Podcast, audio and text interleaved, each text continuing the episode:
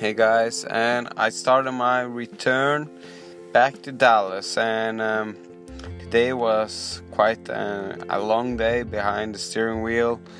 I mean, I was actually it was quite interesting. Like yesterday, by night, I um, got in touch with yeah with a host kind of. You know, it's it was uh, something called warm showers and they invited me to stay at their place, but uh, yeah, it was kind of a dumpster area, and you had to bring your own tent. Or I, like, I slept in my car, in the back of my car, but it was alright. I got a good shower. I had, you know, I had toilet facilities, and uh, it was quite nice people, but I really didn't get to know them that well uh, because I came arrived pretty late and left early today. So fortunately, I didn't get to know these people that well. But it was quite quite interesting place. It was kind of like a countryside pub. Um, but it seems like these people were living pretty simple lifestyle and uh, you know sleeping in caravans and uh, yeah it wasn't that luxury but it was definitely looked like they were quite calm and enjoying life. So I would definitely um, love to get more in touch and learn more from these people. But fortunately, I didn't. I uh, I went towards the east, came to Tucson, and then I did the Mount Lemmon, Mount Lemmon, and it's uh, like a 35 kilometer climb and you know, I started off at four. No, I think it was almost at five, and um, I knew it was going to be dark.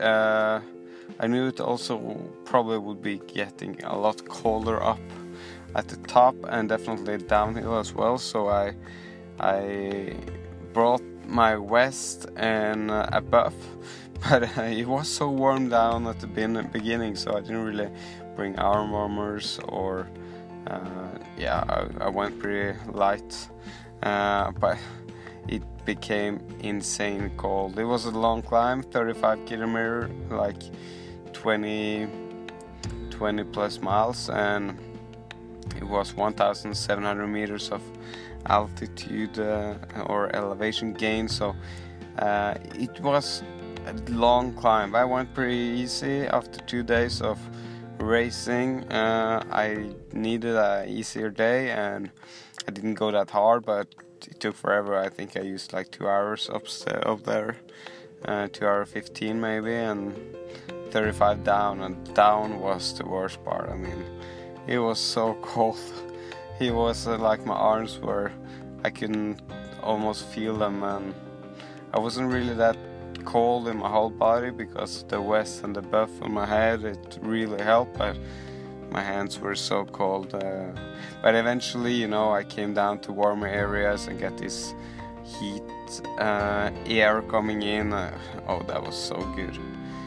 I got down to the car and uh, I was quite late so I lost my opportunity to stay at another warm shower place uh, so the night will be spent in back of my car at the petrol station. Should be alright, even though I'm close to Mexico and just behind me here a guy was stopped by the police. And the police is also here at the petrol station. Probably probably not for something criminal at this time. I think it's more for getting some taco bell but i mean uh, yeah i think it should be alright there anyway so tomorrow I'll, I'll um, head uh, further to the east, El Paso.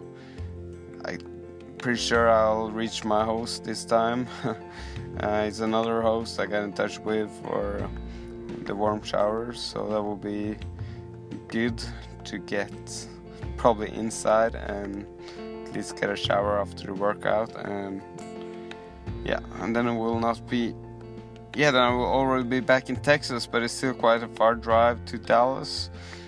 So the plan is still to arrive home in Dallas at a Thursday uh, around 3 o'clock. I think my due time for deliver the car is at 3, so I will be back then. But yeah, I enjoy still enjoying it in the US and I didn't really get any interviews today. Um, I was hoping to, to get to talk with my host, which is a cycling enthusiast. I know from his profile, but you guys, you heard from my small experience, well, quite big experience, but actually from the Mount, yeah, I think it's called Mount Lemmon, MT Lemmon.